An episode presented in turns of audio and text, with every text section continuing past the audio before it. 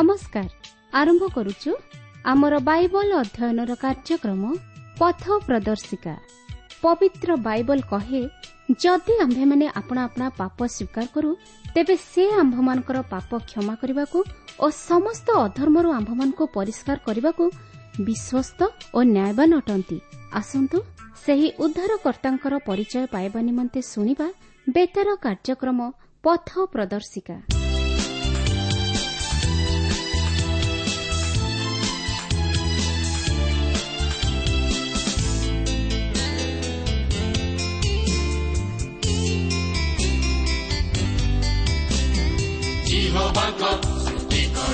ତାଙ୍କ କରୁଣା ଚିରସ୍ଥାୟୀ ପ୍ରଭୁମାନଙ୍କ ପ୍ରଭୁଙ୍କ ସ୍ତୁତି କର ତାଙ୍କ କରୁଣା ଚିରସ୍ଥାୟୀ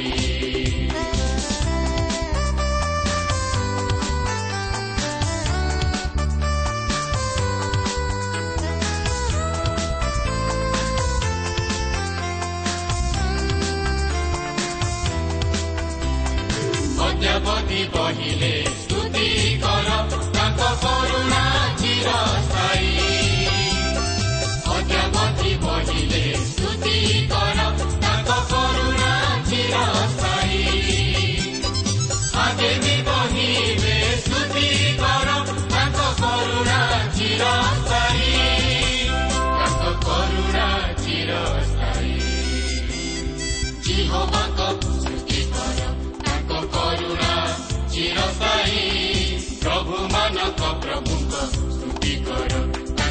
ତାଙ୍କ କରୁଣା ଚିରସ୍ଥାୟୀ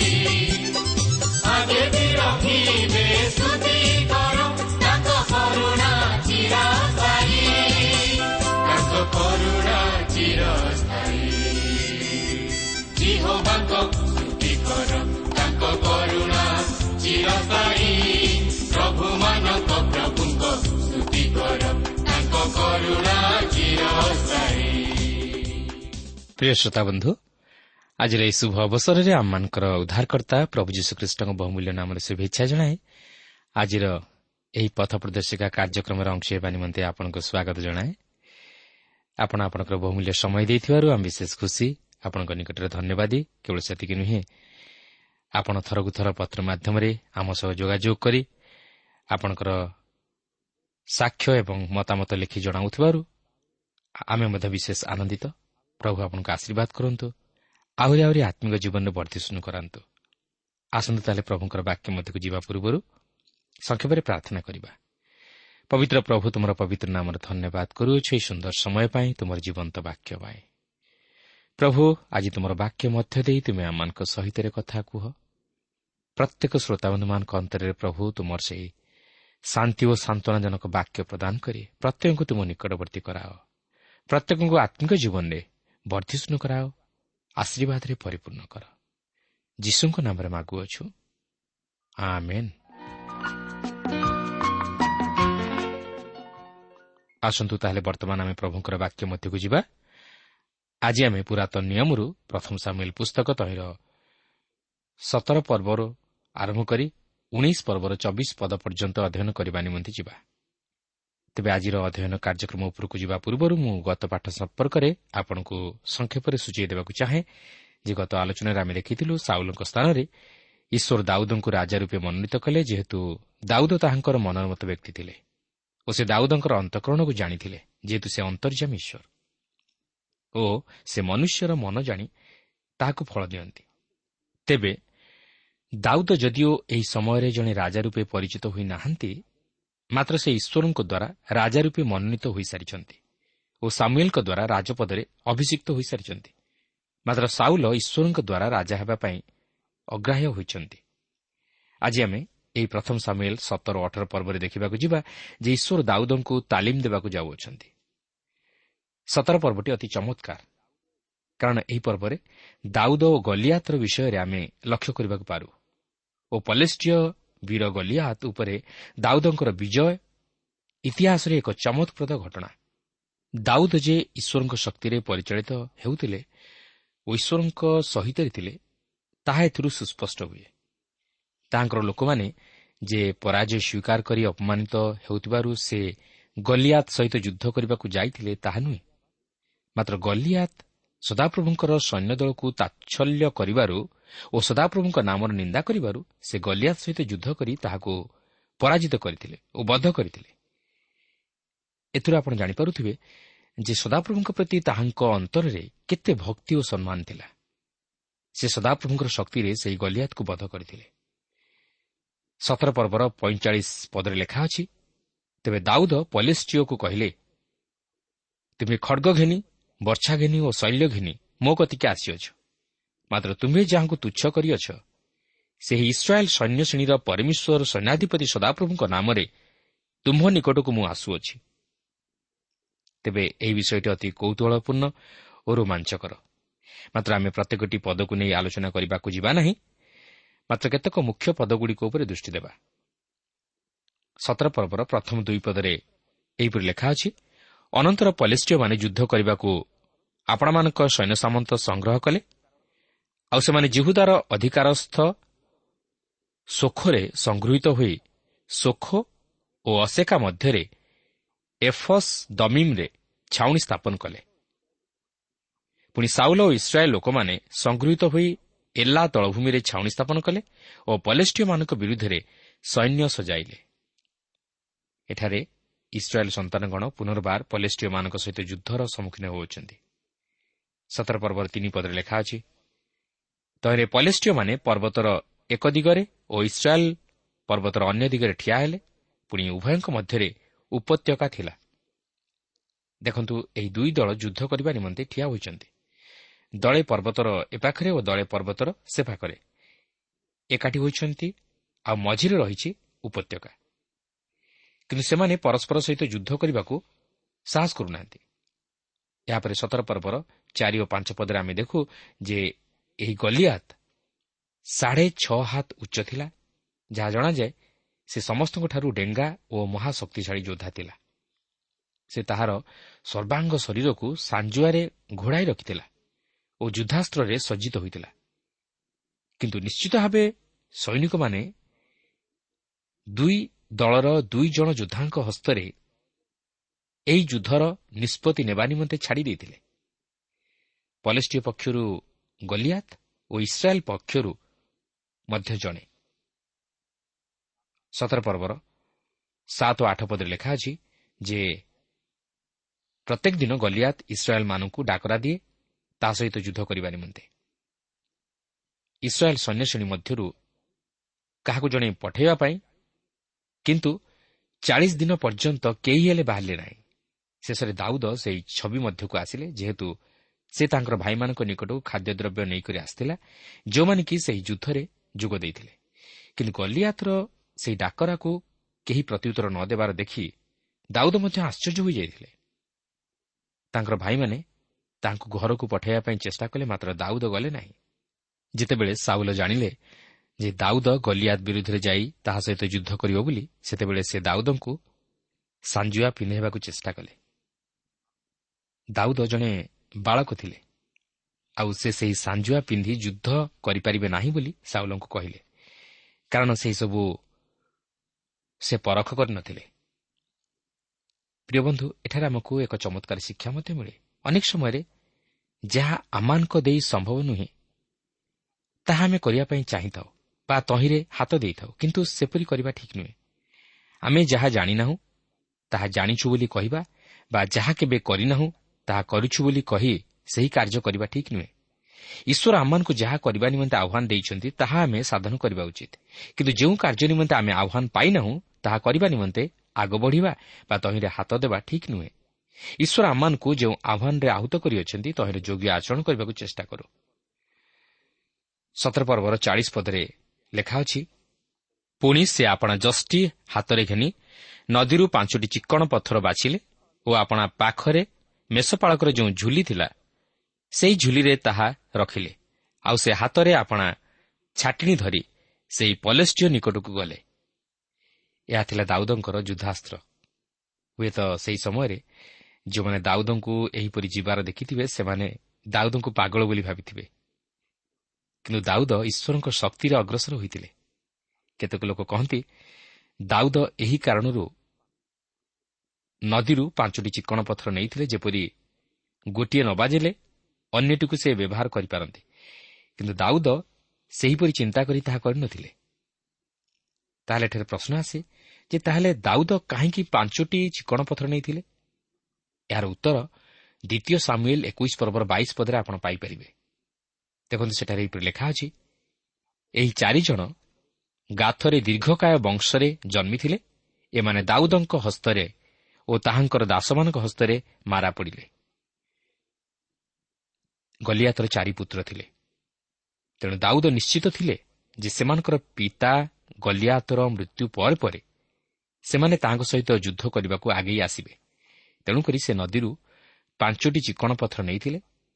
ସେହି ଛାଟିଣୀ ଓ ପାଞ୍ଚଟି ଚିକଣ ପଥର ହିଁ ତାଙ୍କର ଅସ୍ତ୍ର ଥିଲା ଓ ସେ ସେଥିରେ ଯୁଦ୍ଧ କରିବାକୁ ଗଲିଆତ ବିରୁଦ୍ଧରେ ଆଗେଇ ଯାଇଥିଲେ।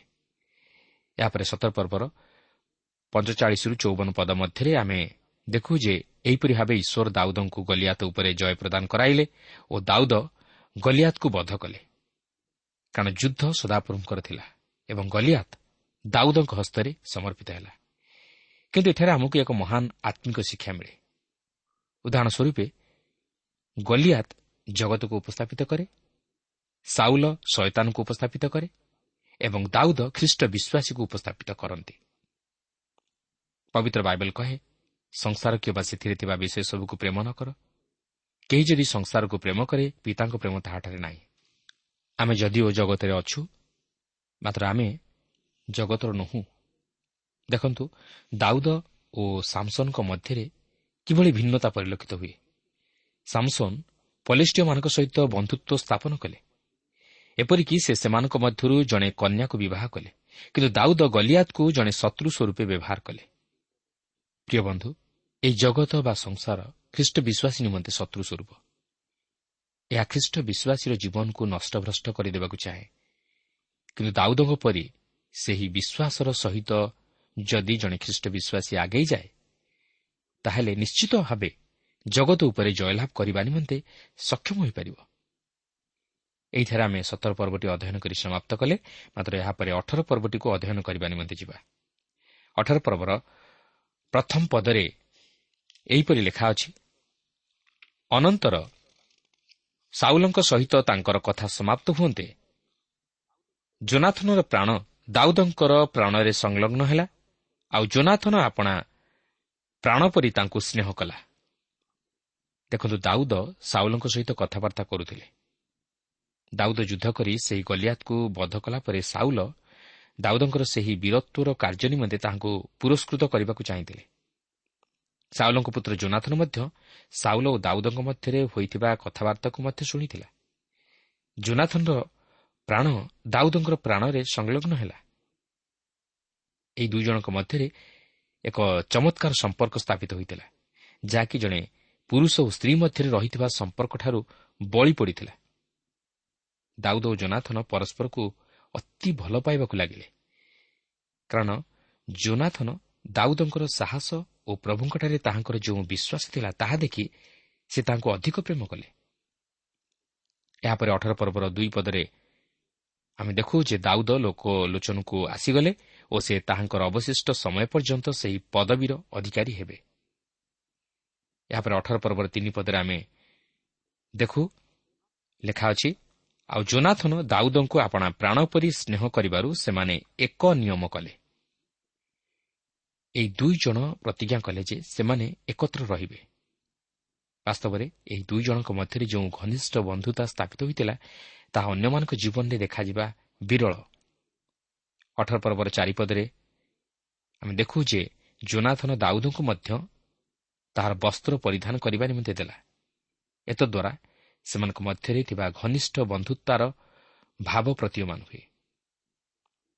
ଏହାପରେ ଅଠର ପର୍ବର ପାଞ୍ଚ ପଦରେ ଲେଖା ଅଛି ଆଉ ସାଉଲ ଦାଉଦଙ୍କୁ ଯେକୌଣସି ସ୍ଥାନକୁ ପଠାନ୍ତି ସେ ସେଠାକୁ ଯାଇ ବୁଦ୍ଧିରେ କାର୍ଯ୍ୟ କରନ୍ତି। ଏହେତୁ ସାଉଲ ତାଙ୍କୁ ଯୋଦ୍ଧାମାନଙ୍କ ଉପରେ ନିଯୁକ୍ତ କଲେ ଓ ଏହା ସମସ୍ତ ଲୋକଙ୍କ ଦୃଷ୍ଟିରେ ଓ ସାଉଲଙ୍କ ଦାସମାନଙ୍କ ଦୃଷ୍ଟିରେ ମଧ୍ୟ ଉତ୍ତମ ଦେଖାଗଲା। ପ୍ରକୃତରେ ଦାଉଦଙ୍କର ପ୍ରତ୍ୟେକ କ୍ଷେତ୍ରରେ ଦକ୍ଷତା ଥିଲା। ତେଣୁକରି ସେ ଲୋକମାନଙ୍କ ଦ୍ୱାରା ମଧ୍ୟ ପ୍ରଶଂସିତ ତଥା ଗୃହୀତ ହୋଇଥିଲେ। ସେ ବାହ୍ୟ ରୂପରେ ଓ ଆନ୍ତରିକ ରୂପରେ ଅତି ସୁନ୍ଦର ଥିଲେ ଓ ସେ ଈଶ୍ୱରଙ୍କର ସନ୍ତୋଷ ପାତ୍ର ହୋଇଥିଲେ। ଯଦିଓ ଦାଉଦ ପାପରହିତ ନଥିଲେ ମାତ୍ର ଈଶ୍ୱରଙ୍କ ନିମନ୍ତେ ତାହାଙ୍କର ହୃଦୟ ଅତି ସରଳ ଥିଲା ଓ ସେ ଈଶ୍ୱରଙ୍କୁ ନିଜ ହୃଦୟରେ ସ୍ଥାନ ଦେଇଥିଲେ ଓ ଲୋକମାନେ ଏଥିନିମନ୍ତେ ତାହାଙ୍କୁ ପ୍ରେମ କଲେ।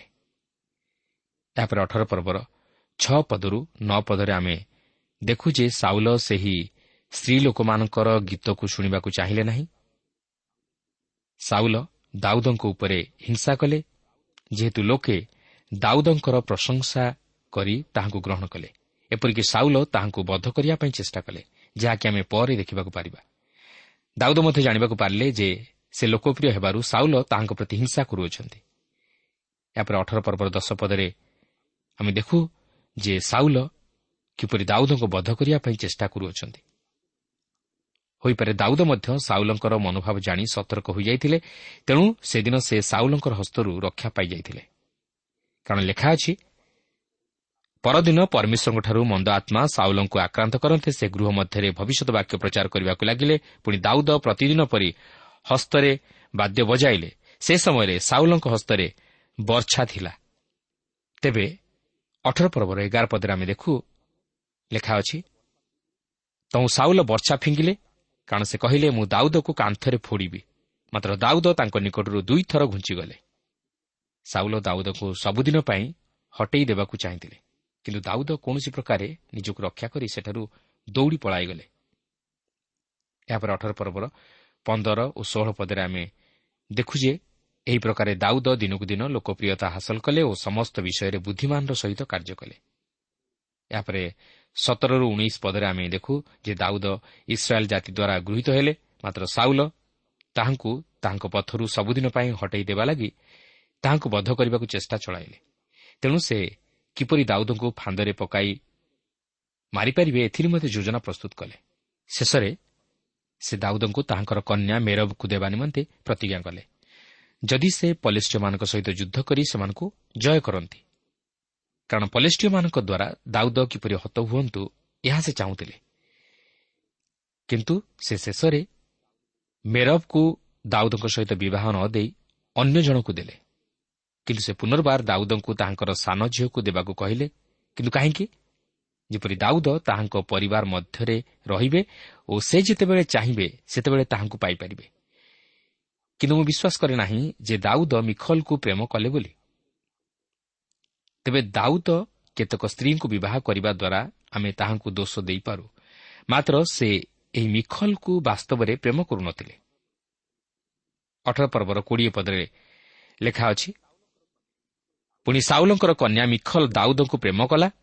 ତୁ ଲୋକମାନେ ସାଉଲଙ୍କୁ ତାହା ଜଣାନ୍ତେ ସେ କଥା ତାଙ୍କ ଦୃଷ୍ଟିରେ ପସନ୍ଦ ହେଲା। ଏଠାରେ ଆମେ ଦେଖୁଛୁ ଯେ ମିଖଲ ଦାଉଦଙ୍କୁ ପ୍ରେମ କଲା କିନ୍ତୁ ଏହା ସେହିପରି ଦାମ୍ପତ୍ୟ ପ୍ରଣୟ ନଥିଲା ଯାହାକି ଏକ ସଫଳତାର ବୈବାହିକ ଜୀବନ ନିମନ୍ତେ ଆବଶ୍ୟକ ହୋଇପାରିଥିଲା। ମିଖଲ କେବଳ ଦାଉଦଙ୍କର ବୀରତ୍ୱ ଓ ତାହାଙ୍କର ଲୋକପ୍ରିୟତାକୁ ଦୃଷ୍ଟି ଆଗରେ ରଖି ଦାଉଦଙ୍କୁ ପ୍ରେମ କରୁଥିଲା।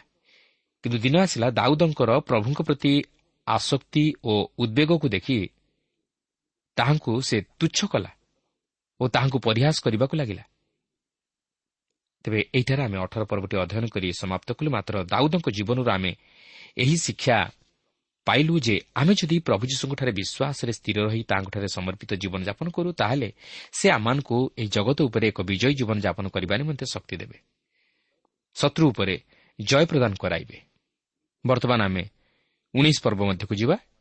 ଏହି ପର୍ବରେ ମଧ୍ୟ ଆମେ ଦେଖିବାକୁ ଯିବା ଯେ ସାଉଲ ଦାଉଦଙ୍କୁ ପୁନର୍ବାର ବଧ କରିବା ନିମନ୍ତେ ମନ୍ତ୍ରଣା କଲେ। ମାତ୍ର ଜୋନାଥନ ଦାଉଦଙ୍କୁ ରକ୍ଷା କଲେ। କିନ୍ତୁ ଏହା ଦାଉଦଙ୍କ ନିମନ୍ତେ ଏକ ତାଲିମର ସମୟ ଥିଲା। ଈଶ୍ୱର ତାହାଙ୍କୁ ଏହିପରି ଉତ୍ଥାନ ଓ ପତନର ମଧ୍ୟ ଦେଇ ଗତି କରାଇଥିଲେ ଯେପରି ସେ ଇସ୍ରାଏଲ୍ର ଏକ ମହାନ ରାଜା ହୋଇପାରନ୍ତି। ସେ ଏହିପରି ଅତି ଜଟିଳ ତଥା ଭୟଙ୍କର ଓ ବିପଦର ପରିସ୍ଥିତି ମଧ୍ୟ ଦେଇ ଗତି କରିବା ସମୟରେ କେତେକ ଚମତ୍କାର ଗୀତ ମଧ୍ୟ ରଚନା କରିଅଛନ୍ତି ଯାହାକି ଗୀତ ସଂହିତାରେ ଲିପିବଦ୍ଧ ହୋଇ ରହିଅଛି।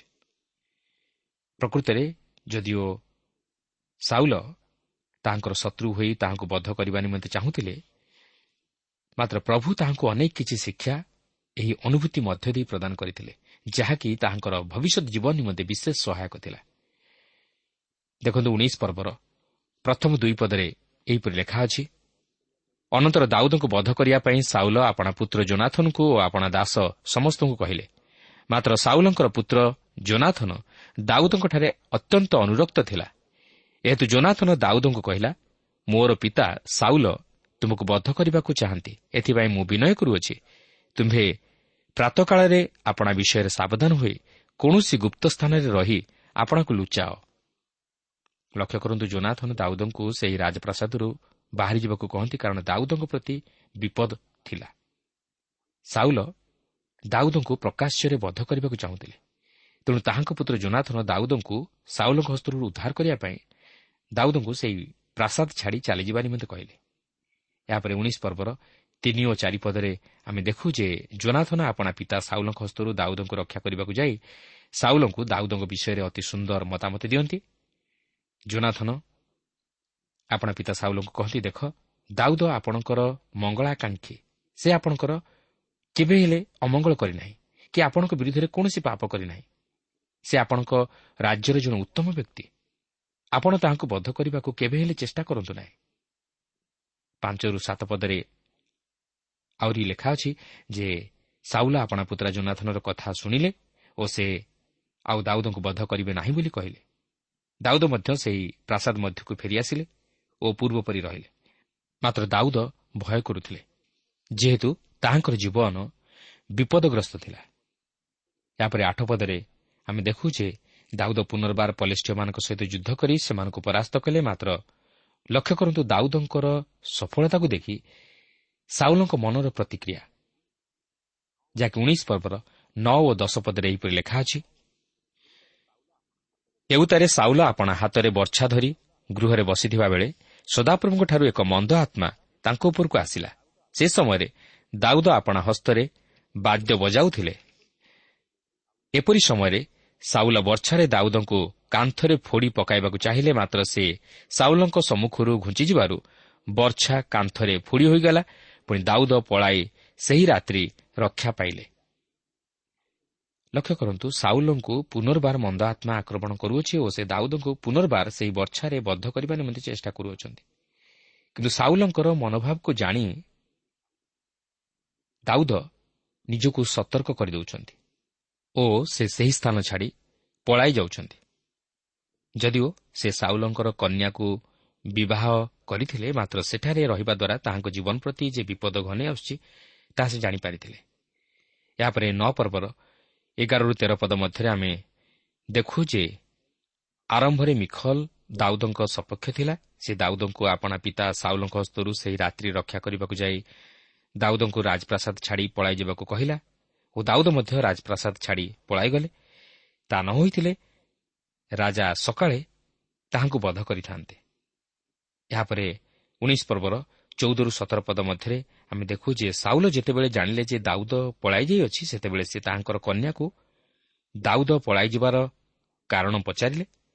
ମାତ୍ର ମିଖଲ ରାଜାଙ୍କ ହସ୍ତରୁ ନିଜକୁ ରକ୍ଷା କରିବାକୁ ଯାଇ କହିଲା ମୁଁ ତାହାଙ୍କୁ ଯଦି ଛାଡ଼ି ନଥାନ୍ତି ତାହେଲେ ସେ ମୋତେ ବଧ କରିଥାନ୍ତେ କିନ୍ତୁ ଏହା ଥିଲା ପ୍ରକୃତରେ ମିଖଲର ବାହାନା। କାରଣ ସେ ଦାଉଦଙ୍କୁ ସାଉଲଙ୍କ ହସ୍ତରୁ ରକ୍ଷା କରିବା ନିମନ୍ତେ ତାହାଙ୍କୁ ପ୍ରାସାଦ ଛାଡ଼ି ଚାଲିଯିବାକୁ କହିଥିଲା। ଏହାପରେ ଉଣେଇଶ ପର୍ବର ଅଠର ପଦରେ ଲେଖା ଅଛି ଏଥିମଧ୍ୟରେ ଦାଉଦ ପଳାଇ ରକ୍ଷା ପାଇଲେ ଓ ରାମାରେ ସାମୁଏଲଙ୍କ ନିକଟକୁ ଯାଇ ସାଉଲ ତାଙ୍କ ପ୍ରତି ଯାହା କରିଥିଲେ ତାହା ସବୁ ତାଙ୍କୁ ଜଣାଇଲେ। ତେଣୁ ସେ ଓ ସାମୁଏଲ ଯାଇ ନାୟବତରେ ବାସ କଲେ।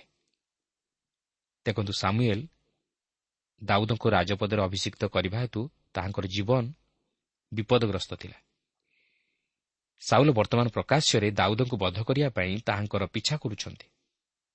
ତେଣୁକରି ଏହି ସମୟଠାରୁ ଦାଉଦ ଜଣେ ଶିକାରୀ ପଶୁ ପରି ଏଣେତେଣେ ନିଜକୁ ଲୁଚାଇବାକୁ ଚେଷ୍ଟା କରୁଅଛନ୍ତି। ଆଉ ସେ ସାଉଲଙ୍କର ମୃତ୍ୟୁ ପର୍ଯ୍ୟନ୍ତ ଏହିପରି ଭାବେ ନିଜକୁ ଲୁଚାଇବାକୁ ଯାଉଅଛନ୍ତି। ଏହାପରେ ଉଣେଇଶ ପଦରୁ ଚବିଶ ପଦ ମଧ୍ୟରେ ଆମେ ଦେଖୁଛୁ ଯେ ସାଉଲ ତାହାଙ୍କର ଦୂତମାନଙ୍କୁ ପଠାଇଲେ ଯେପରି ସେମାନେ ଦାଉଦଙ୍କୁ ଖୋଜି ବାହାର କରି ତାହାଙ୍କୁ ବଧ କରନ୍ତି। ମାତ୍ର ସେମାନେ ଯାଉଁ ଯାଉଁ ଦଳେ ଭବିଷ୍ୟତ ବକ୍ତୃ ଦଳକୁ ଭବିଷ୍ୟତ ବାକ୍ୟ ପ୍ରଚାର କରିଥିବାର ଦେଖି ପରମେଶ୍ୱରଙ୍କ ଆତ୍ମା ସେମାନଙ୍କ ଉପରକୁ ଆସନ୍ତେ ସେମାନେ ମଧ୍ୟ ଭବିଷ୍ୟତ ବାକ୍ୟ ପ୍ରଚାର କରିବାକୁ ଲାଗିଲେ। ଏହା ଶୁଣି ସାଉଲ ଆଉ ଦଳେ ଲୋକଙ୍କୁ ପଠାଇଲେ ସେମାନେ ମଧ୍ୟ ସେହିପରି କଲେ ଓ ଶେଷରେ ସାଉଲ ନିଜେ ଗଲେ ଓ ସେ ମଧ୍ୟ ସେହିପରି ସାମୁଏଲଙ୍କ ସମ୍ମୁଖରେ ଭବିଷ୍ୟତ ବାକ୍ୟ ପ୍ରଚାର କଲେ। କାରଣ ସାମୁଏଲ ଓ ଦାଉଦ ସେହି ସମୟରେ ରାମାସ୍ଥିତ ନାୟତରେ ବାସ କରୁଥିଲେ। ବାସ୍ତବରେ ଈଶ୍ୱର ଆଶ୍ଚର୍ଯ୍ୟ ଭାବରେ ସାମୁଏଲ ଓ ଦାଉଦଙ୍କୁ ସାଉଲଙ୍କ ହସ୍ତରୁ ଉଦ୍ଧାର କଲେ। କାରଣ ଈଶ୍ୱର ଯାହାର ସପକ୍ଷ ମନୁଷ୍ୟ ତାହାର କ'ଣ କରିପାରେ? ତେଣୁ ପ୍ରିୟ ବନ୍ଧୁ ଆମେ ସବୁ ଅବସ୍ଥାରେ ଈଶ୍ୱରଙ୍କ ଉପରେ ନିର୍ଭର କରିବା ଉଚିତ ଓ ଈଶ୍ୱରଙ୍କର ଶରଣାପନ୍ନ ହେବା ଉଚିତ। ଓ ଈଶ୍ୱରଙ୍କର ନିର୍ଦ୍ଦେଶ ଅନୁଯାୟୀ କାର୍ଯ୍ୟ କରିବା ଉଚିତ। ଏବଂ ଈଶ୍ୱରଙ୍କୁ ସନ୍ତୁଷ୍ଟ କଲା ଭଳି ଆମମାନେ ଜୀବନଯାପନ କରିବା ଉଚିତ। ତାହେଲେ ଈଶ୍ୱର ଆମମାନଙ୍କର ସହବର୍ତ୍ତୀ ହୋଇ ସମସ୍ତ ଅମଙ୍ଗଳରୁ ଶତ୍ରୁର ସମସ୍ତ ମନ୍ଦ ଚକ୍ରାନ୍ତରୁ ଆମମାନଙ୍କୁ ରକ୍ଷା କରିବେ ଏବଂ ଆମମାନେ ମଧ୍ୟ ଏହି ଜଗତରେ ଏକ ବିଜୟୀ ଜୀବନ ଯାପନ କରିବା ପାଇଁ ସମର୍ଥ ହୋଇପାରିବା। ପ୍ରଭୁ ପ୍ରତ୍ୟେକଙ୍କୁ ଆଶୀର୍ବାଦ କରନ୍ତୁ।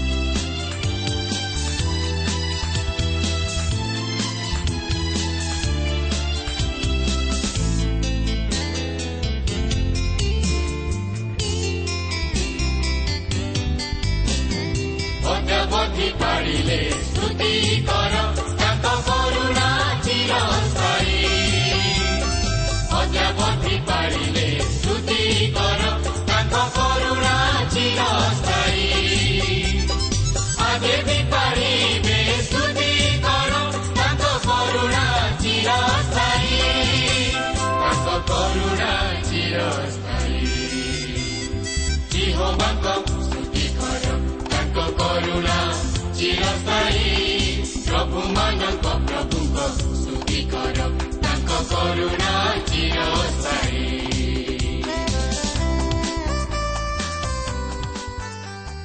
ପ୍ରିୟ ଶ୍ରୋତା ଏହି କାର୍ଯ୍ୟକ୍ରମ ଶୁଣିଥିବାରୁ ଆପଣଙ୍କୁ ଅଶେଷ ଧନ୍ୟବାଦ ଏହି କାର୍ଯ୍ୟକ୍ରମ ଆପଣଙ୍କୁ କିପରି ଲାଗିଲା ଓ କେଉଁ ବିଷୟଟି ଆପଣଙ୍କ ହୃଦୟକୁ ଅଧିକ ସ୍ପର୍ଶ କରିଛି ତାହା ଲେଖି ଜଣାଇଲେ ଆମେ ବିଶେଷ ଉପକୃତ ହେବୁ ଯଦି କିଛି ପ୍ରଶ୍ନ ବା ସନ୍ଦେହ ଥାଏ ତାହା ପତ୍ର ମାଧ୍ୟମରେ ଅଥବା ଟେଲିଫୋନ୍ ଯୋଗେ ଆମକୁ ଜଣାନ୍ତୁ ଆମର ଠିକଣା পথ প্রদর্শিকা Trans World Radio India post box number তিন তিন ভুবনেশ্বর সাত পাঁচ এক শূন্য শূন্য এক।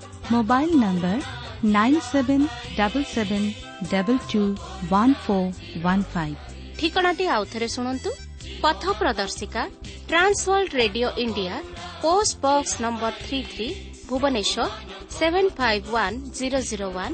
Mobile number nine seven double seven double two one four one five ଆମର ଇମେଲ୍ ଆଡ୍ରେସ୍ଟି ଲେଖି ରଖନ୍ତୁ Odia TV at radio eight eight two dot com ତେବେ ଆଜି ପାଇଁ ଏଠାରେ ରଖୁଛୁ। ନମସ୍କାର। ସର୍ବଜାତ ପ୍ରଭୁ ସେ ସ୍ତୁତି କର।